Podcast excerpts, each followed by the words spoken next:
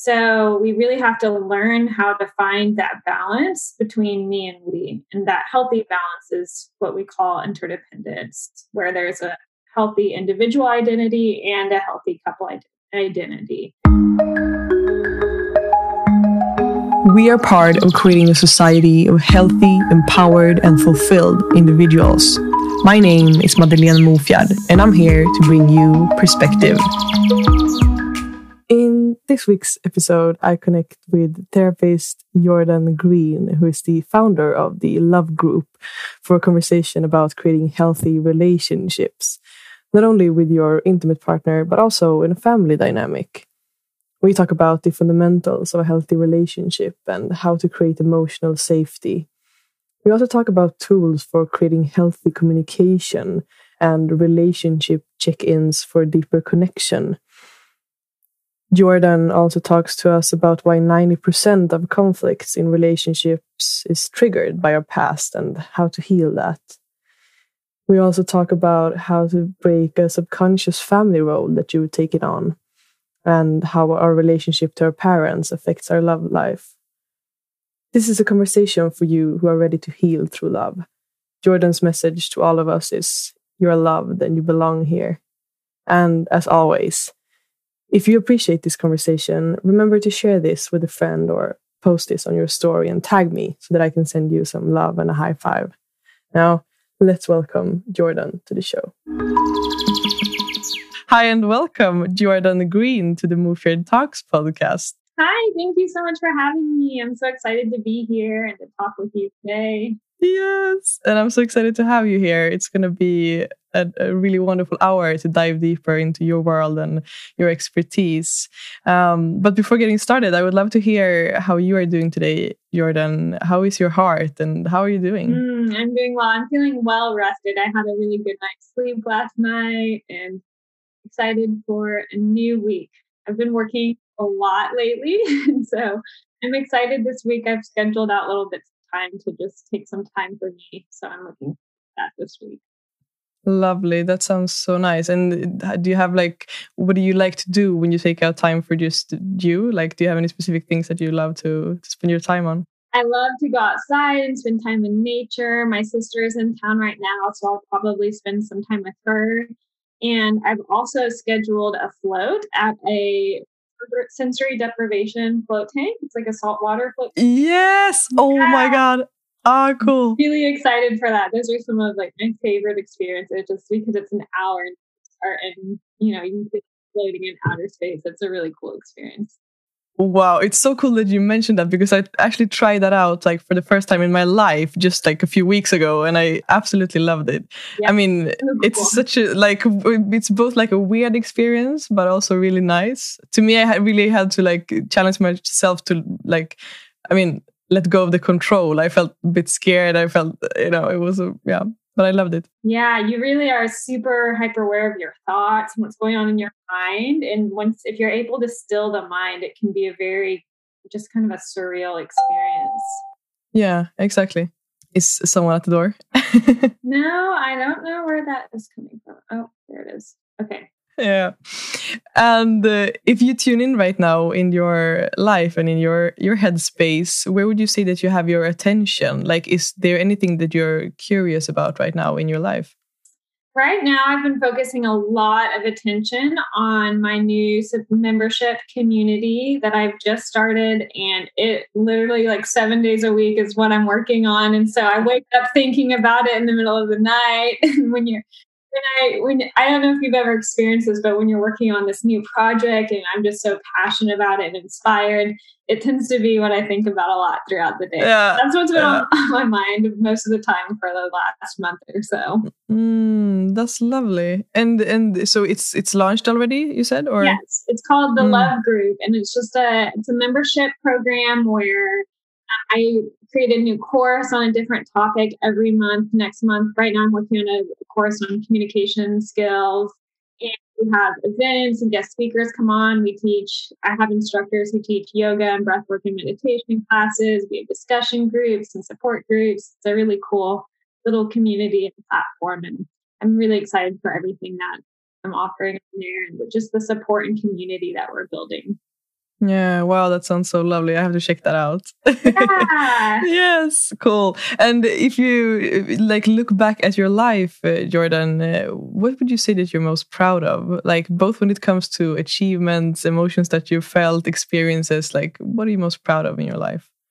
I think the thing I'm, I'm most proud of is completing school. If I think about how many years of my life I devoted to learning. And so many years, not only in grade school, but undergraduate and then graduate school, and then working. I had to work 4,000 hours under supervision, seeing clients and study to pass a test to get my license as a therapist. So, just so many hours and so much time devoted to this. I feel like I've given my life to this accomplishment and this profession. So I'm really proud of the persistence and the work ethic that it took to keep going. And I'm really proud of where I am today. It just took a lot to get here, a lot of studying, a lot of debt. it was just a huge investment in myself. And so I'm really proud of myself for following through with all of that. Mm, yes, that's definitely something to be proud of. And now, like how you're sharing this with the world and and teaching people and giving them your knowledge, I think that's it's really beautiful to see that. Uh, but what would you say like triggered you getting into this journey of becoming a therapist? Like, was there a specific experiences uh, that you went through, or like what happened that make you yeah choose this path? Yeah, I think it was an accumulation of a lot of different things. Both my mom and stepmom are therapists. So I've had some really amazing influences and women in my life to look up to. And I think I've always known that I wanted to be a therapist on more of a subconscious level. I don't know if I always recognized that consciously, though. Um, I remembered recently that when I was in elementary school, I took a career test and it said that I would be a counselor. And I kind of had forgotten about that until it was a year or two ago that I'd remembered, and I thought that was pretty pretty interesting. Some little seed might have been planted somewhere deep in my subconscious or unconscious.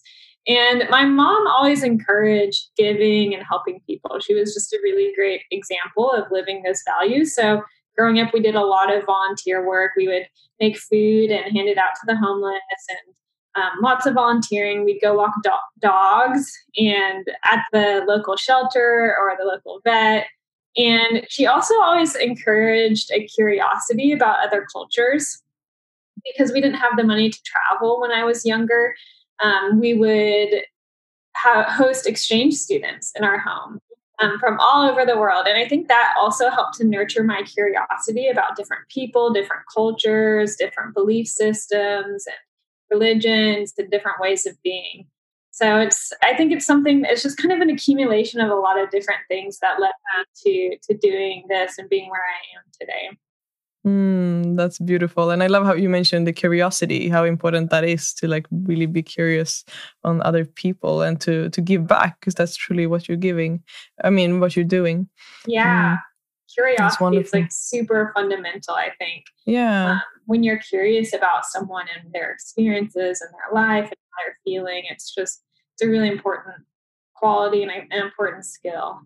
Yeah, definitely. I so agree. And and talking about fundamentals i'm i'm curious now this hour to to talk to you about relationships and and i'm referring both to like the relationship to a partner but also the relationship that we can have to our family because i think to some extent they like they come together uh, and they both affect us in a very big way in a big part of our life. Um, what would you say would like if you were to share let's say three like fundamentals for a healthy relationship when it comes to our uh, let's say to our partner, what would you say that these three fundamentals would be for a healthy relationship? Yeah, I think a big one for any relationship is learning how to communicate effectively. And I've noticed that most issues that couples experience are due to poor communication skills, either a lack of communication or just not knowing how to communicate in an open and respectful and productive way. And so most issues and relationships can be prevented if we learn how to effectively communicate. And honestly, if we're being real here, probably most issues in the world or most conflict in the world could be prevented if we all learn yeah. how to communicate. So communication is a big one that's on my mind right now, especially because, like I mentioned, I'm creating a course on communication for the next month.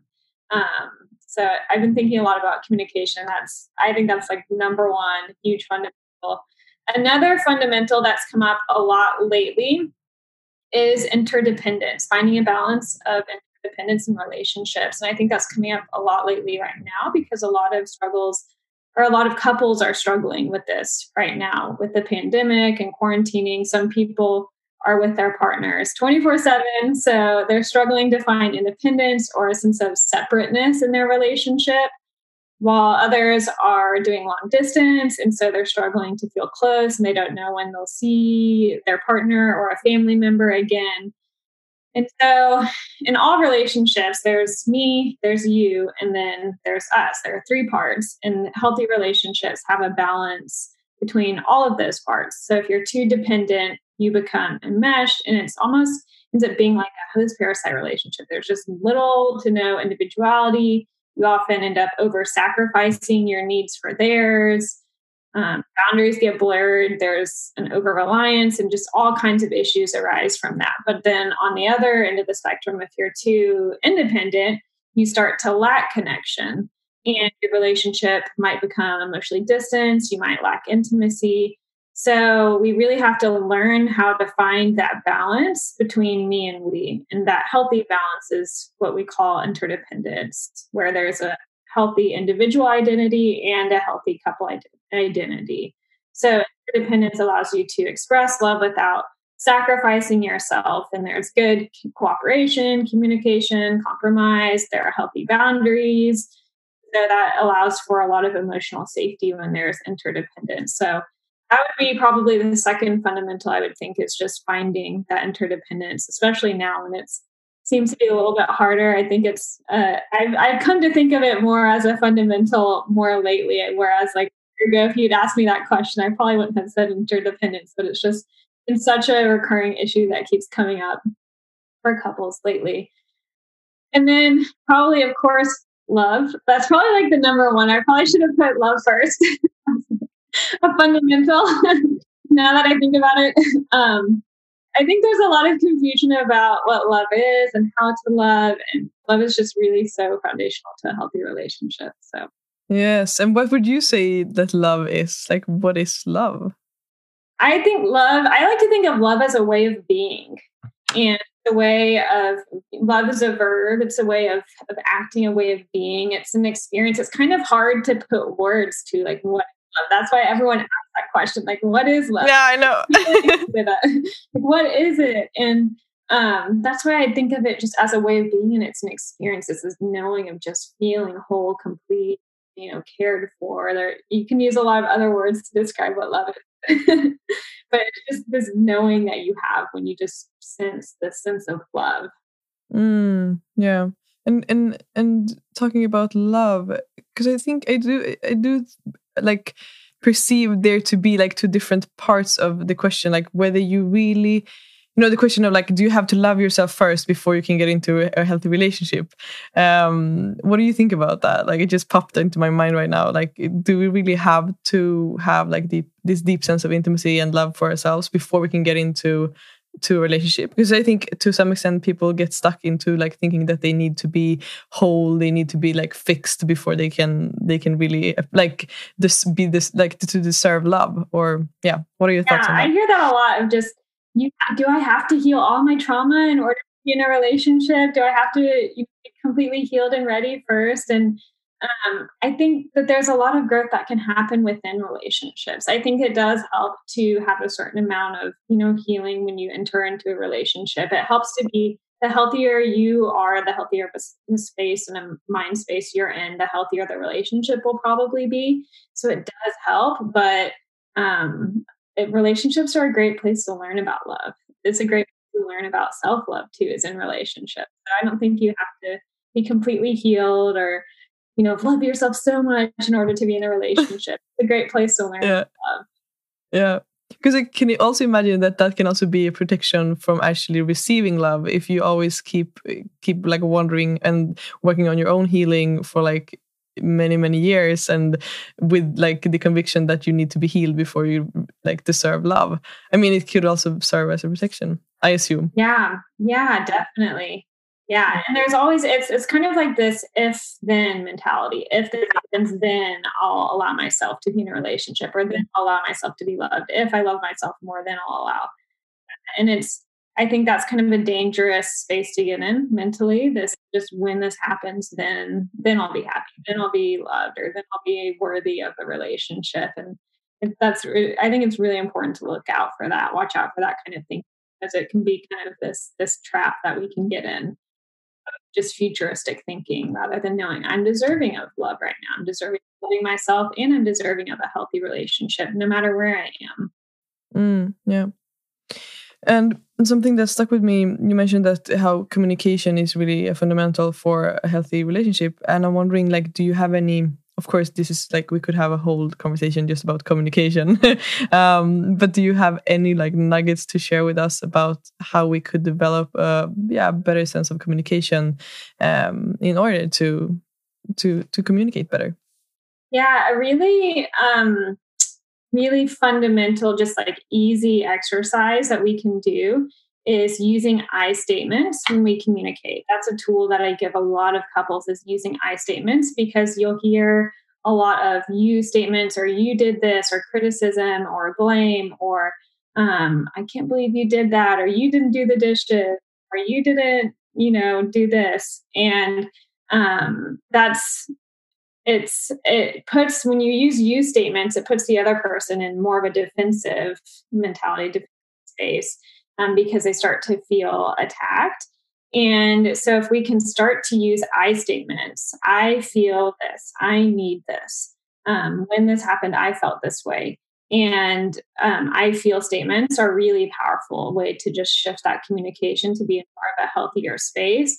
And another just really small thing that can make a huge, huge difference with communication is um, approaching communication as this is me and you working together to solve this problem or to communicate about this rather than me against you.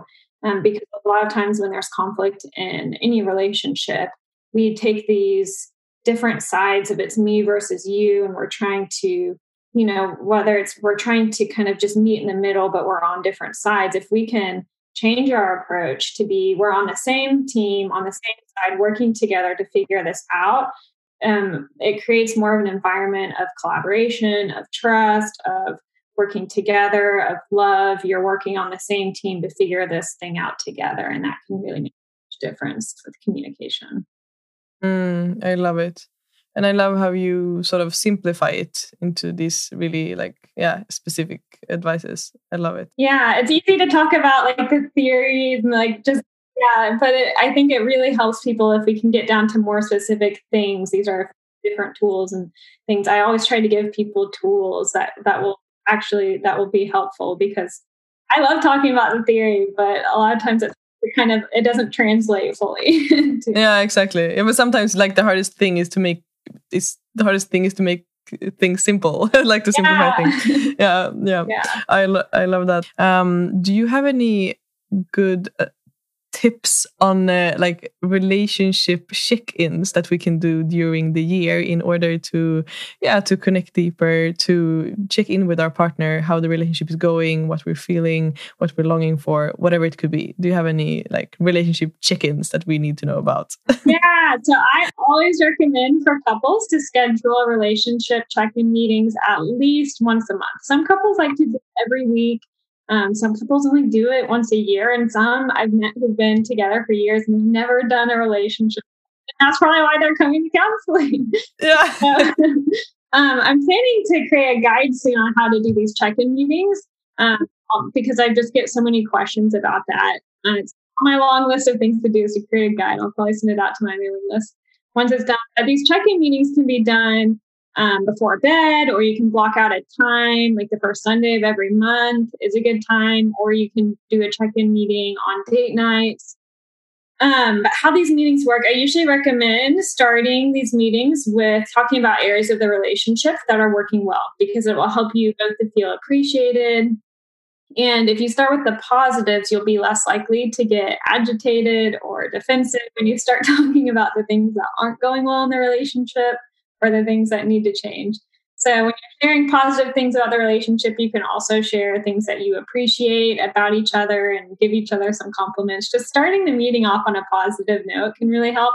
And then next, you probably want to address some issues that have arisen or anything that's still bothering you so that you can move forward without hanging on to the past. So I see this part of the meeting as a opportunity to build trust while also letting go of baggage so that some of these issues don't become recurring. Because a lot of issues that we have in relationships do become recurring issues because we're just not really quite able to talk about them effectively or figure them out or or work on them or maybe we avoid them because they're recurring issues.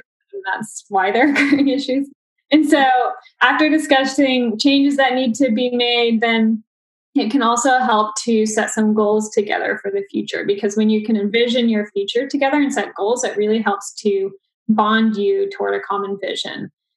Um, and then some other things you might want to talk about in this meeting are like making a budget together, addressing things that are causing strain in the relationship, discussing the kids, or maybe you want to plan a vacation together. It's really up to each couple to figure out what works for them and what needs to be talked about in these meetings. So you can kind of tailor it to fit whatever your needs are in the relationship. But those are kind of some really um, fundamental things that I recommend addressing in each meeting or just starting it on a positive note, discussing things that need to be changed, and then talking about your goals together are really big, big things you probably want to hit in each meeting.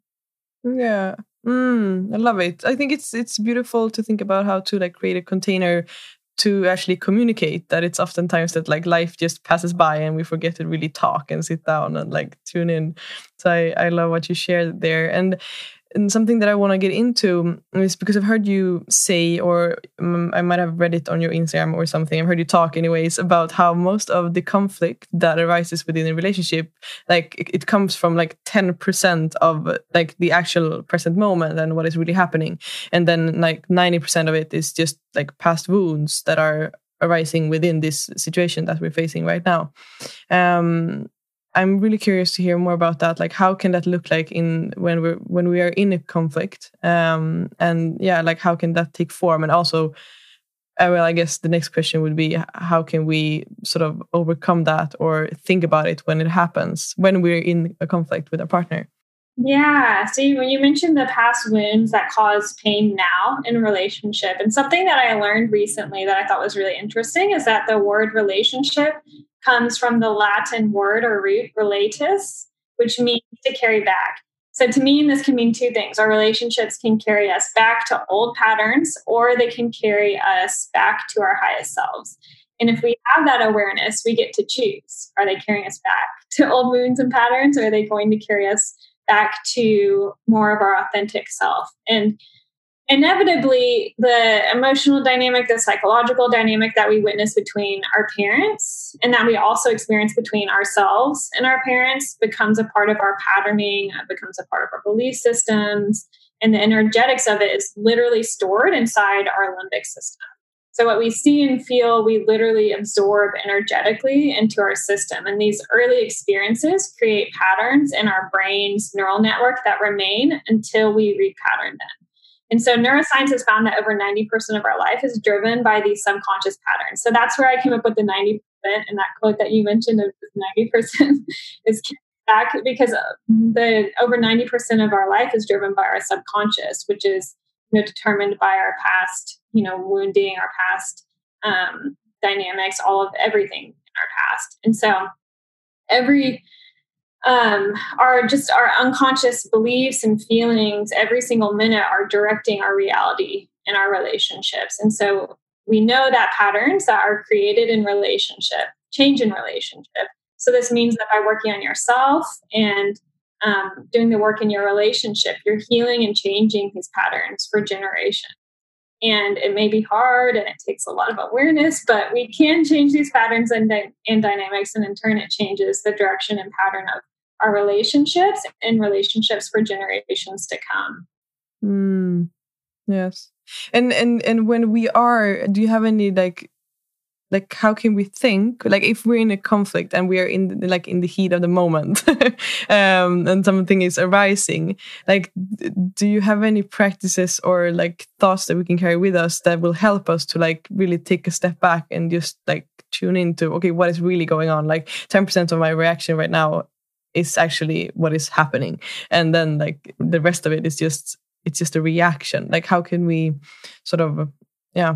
Yeah you said you said take a step back. And i think that's you know you you answered your question. Yourself here it's just like if we can pause if we can catch ourselves in that moment when we are feeling overwhelmed or just in that moment when we notice we're reacting from some of those subconscious patterning um, we can pause we become aware and we can take a step back in that space that we give ourselves allows us to make a different choice.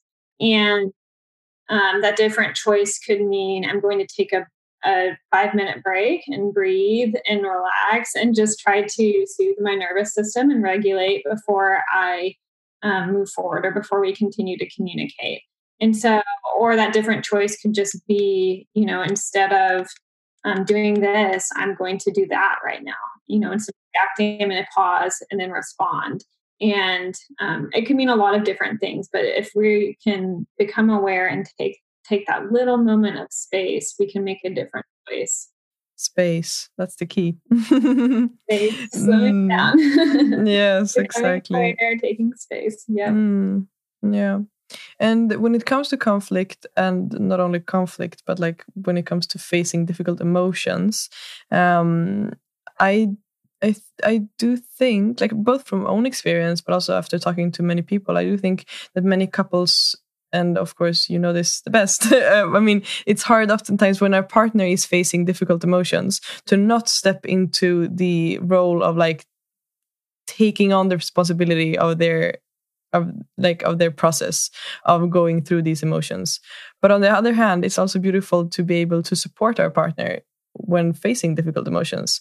Where is that like the golden line between going into like codependency and like overstepping their process and not letting them be in their process uh, and like just being a supportive partner yeah that can be really hard right because when we love someone and they're hurting or struggling in some way our natural inclination is to want to help them and sometimes we can feel like what they're feeling is our fault or our responsibility, especially as children when, you know, in their stage of development, they're not able to see, acknowledge that sense of separation. And so they feel like everything that my parents are feeling is my fault.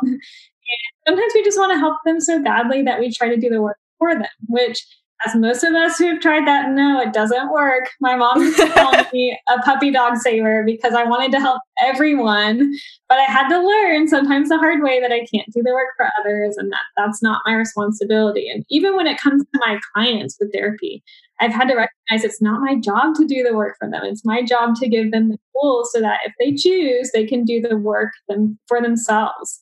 And the huge unburdening or a huge sense of relief that happens when we realize it's not our responsibility to um, to really you know fix others, save others, to um, help them. You know, we can we can support them, but it's not our responsibility.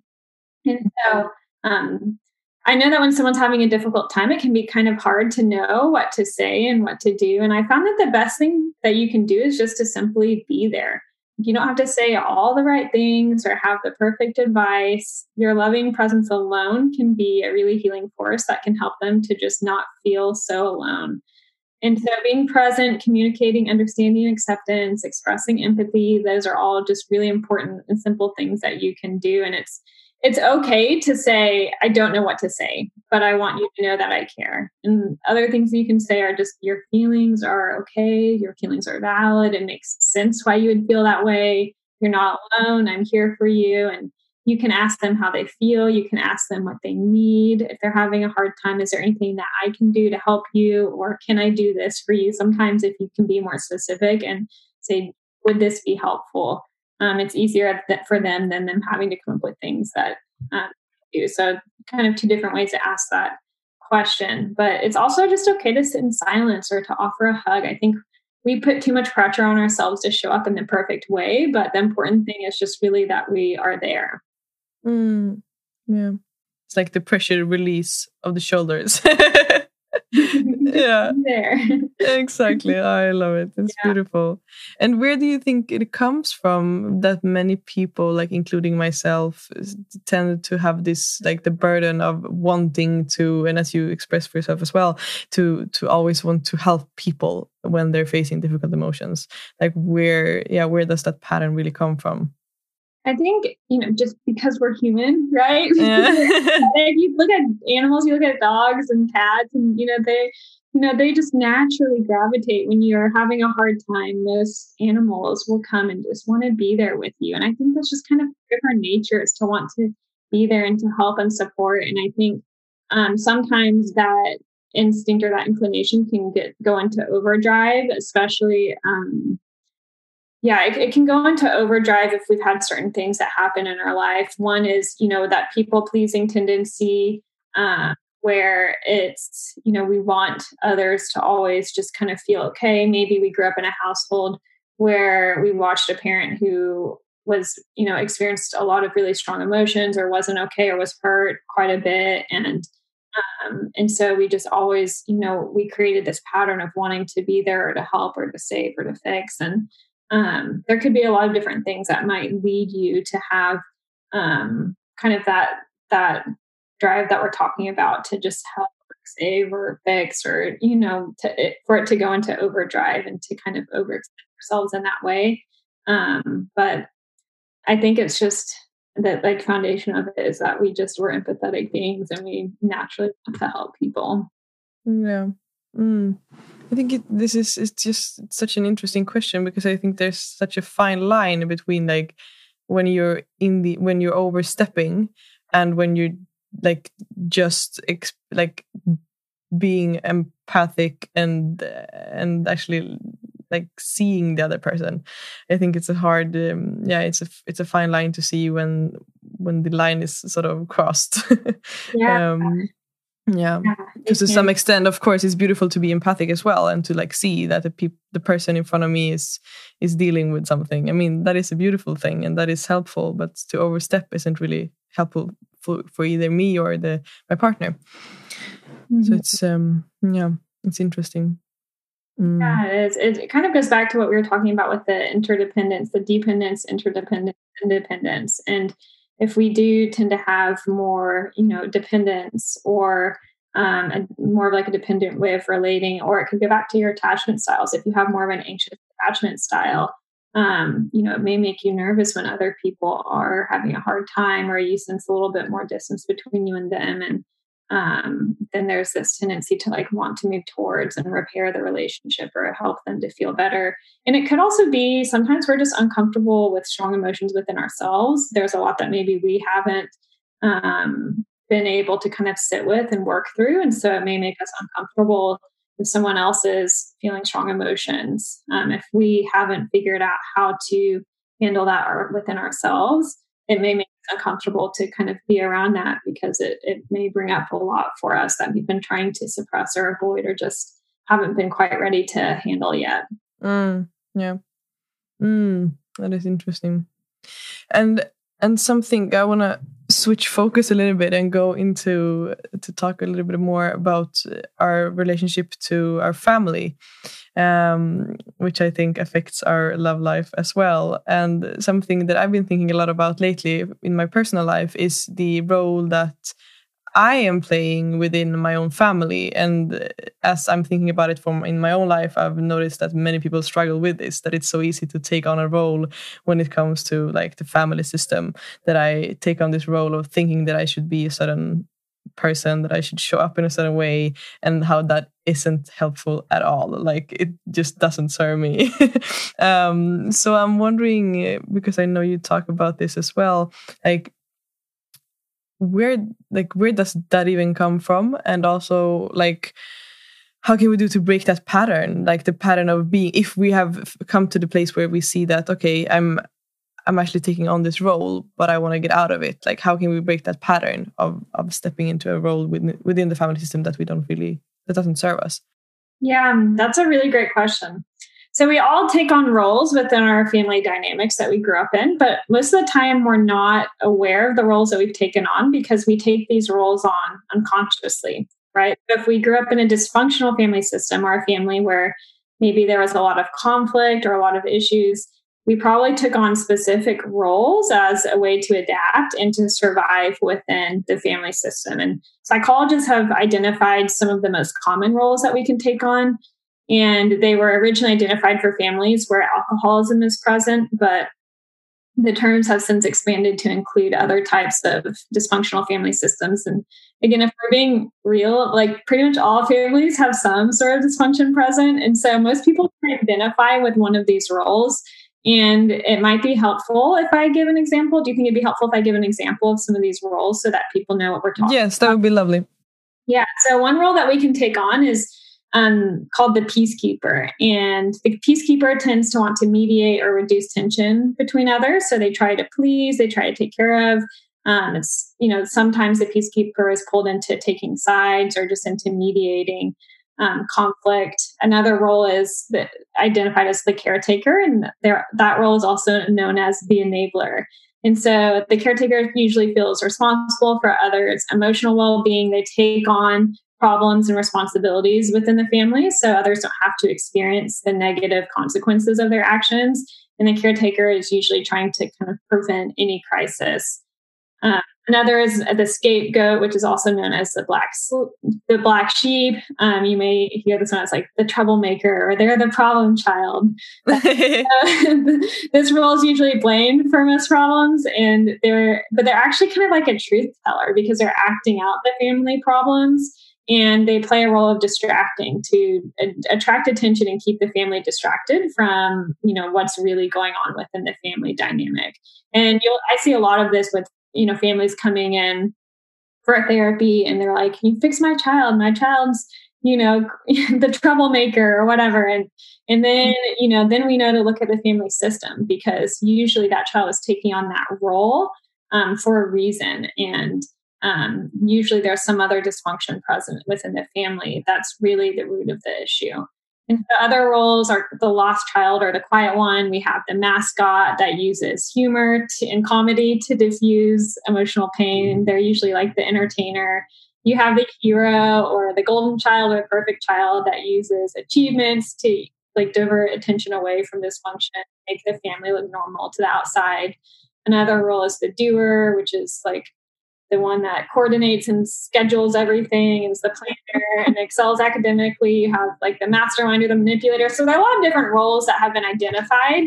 And it's really easy to see the issues and the dysfunction within each of these roles. But I also like to point out that these roles, like each of these roles, also has a strength and probably mm-hmm. many strengths. And it's really important to remember that. For example, like the hero's strengths include intelligence and skill, the lost child is usually really good at reading people and situations, and the mascot is usually really personable and good at easing tension. So there are strengths within each role too. It's not just that that and that's important to remember that usually a lot of times like where our pain is, there's also some sort of strength there that we can kind of pull out of that. And these roles don't also stay the same over time and they can change and you can also play multiple roles. So you don't have to like put yourself in a box identifying yourself like oh that was my role. Sometimes you play different roles over time where you play multiple roles and once you've identified your role then you can begin to identify your unmet needs as a child and you can start to unpack reasons why you took on that and so you can explore the ways in which taking on that role has impacted your personality. It's probably impacted your behaviors and your decisions. And a lot of the work in, in breaking that unconscious role is making it conscious, like we talked about before, like that pause. we can make things conscious. And if we can become aware of it, then we can do the work to reparent ourselves and consciously change some of those patterns. Mm, yeah.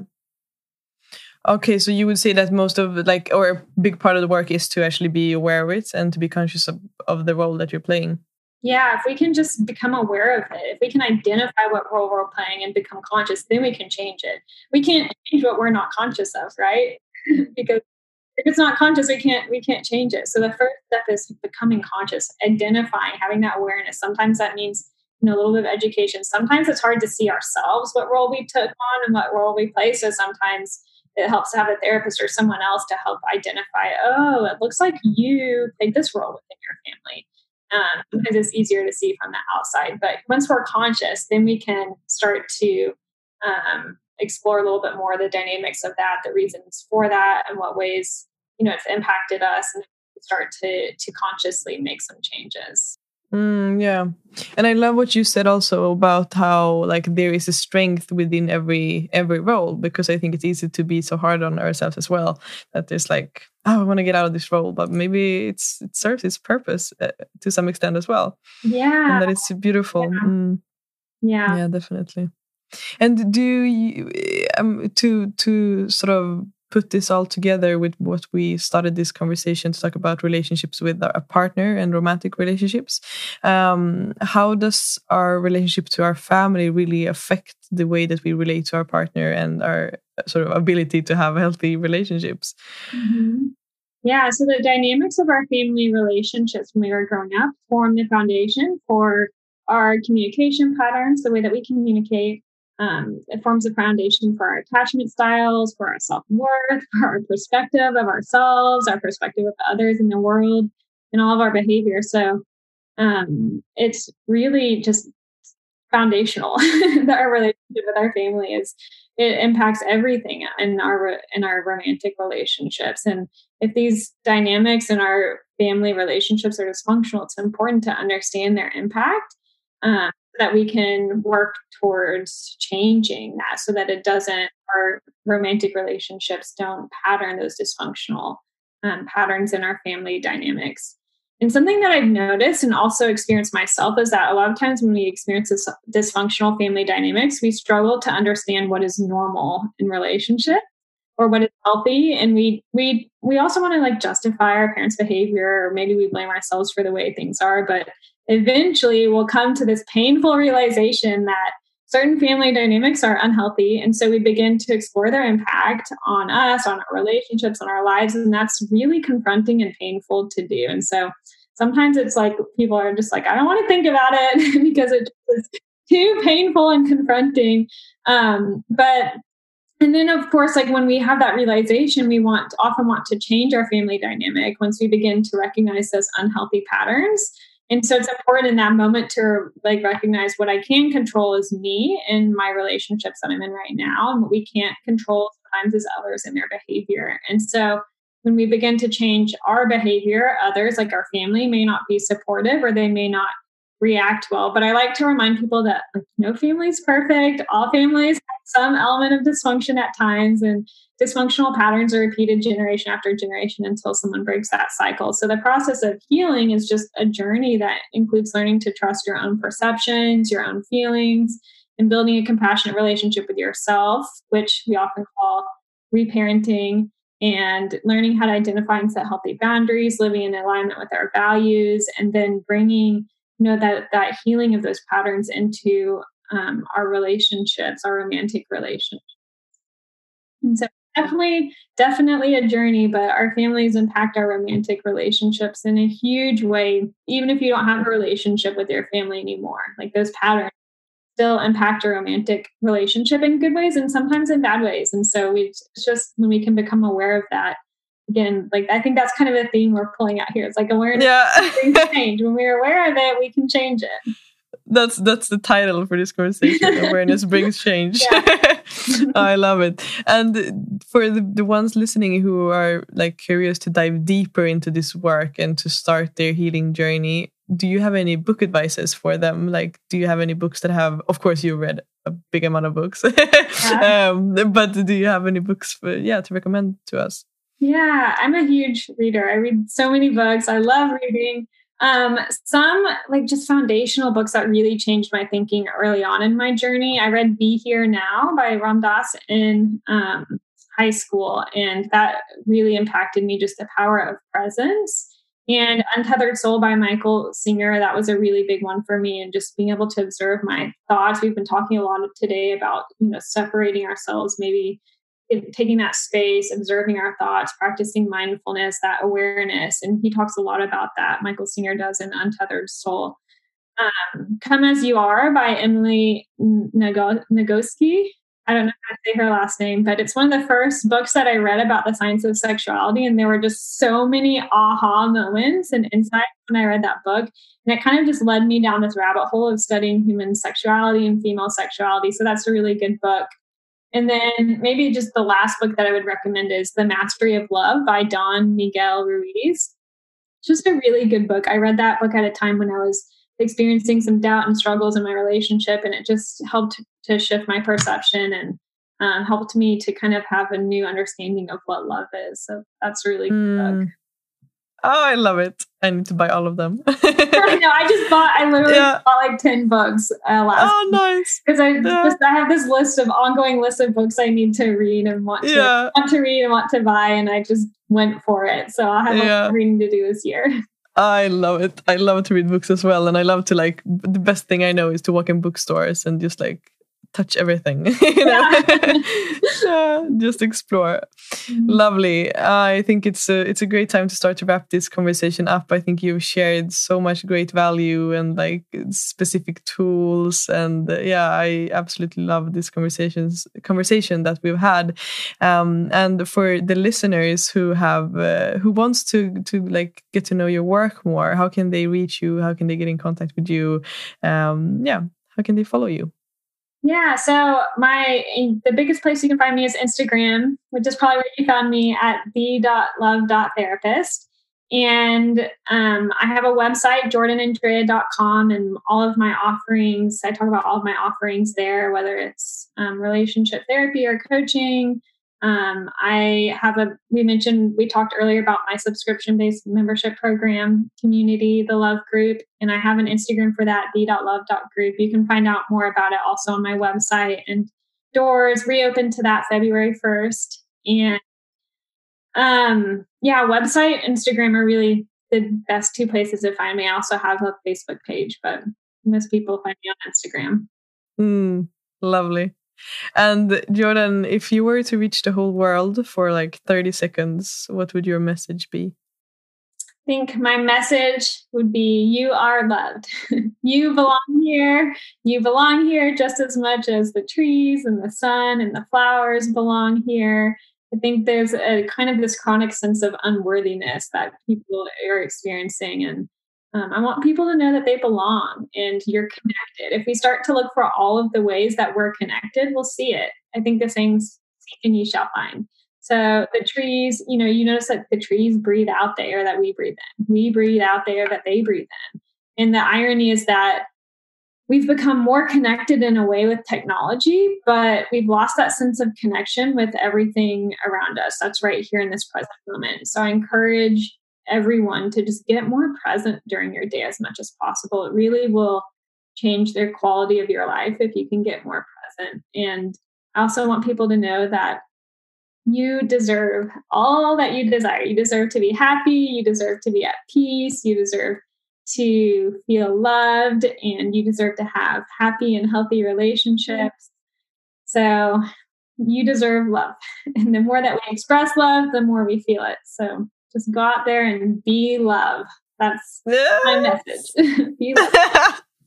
I love it. Thank you for sharing that. That's such a beautiful reminder. Thank you.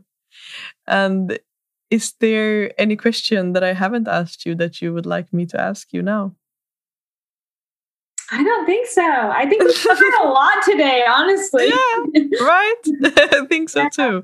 I'm happy to to hear that you're feeling that way. And uh, once again, thank you for taking the time and for coming on the show and for sharing all your, not all your, but to sharing the wisdom that you shared today. And uh, I mean, it's been a beautiful hour. So thank you. Oh, thank you so much. It's such an honor to be here and to talk with you. And I'm so excited to to come back and listen to this later and share community Thank you.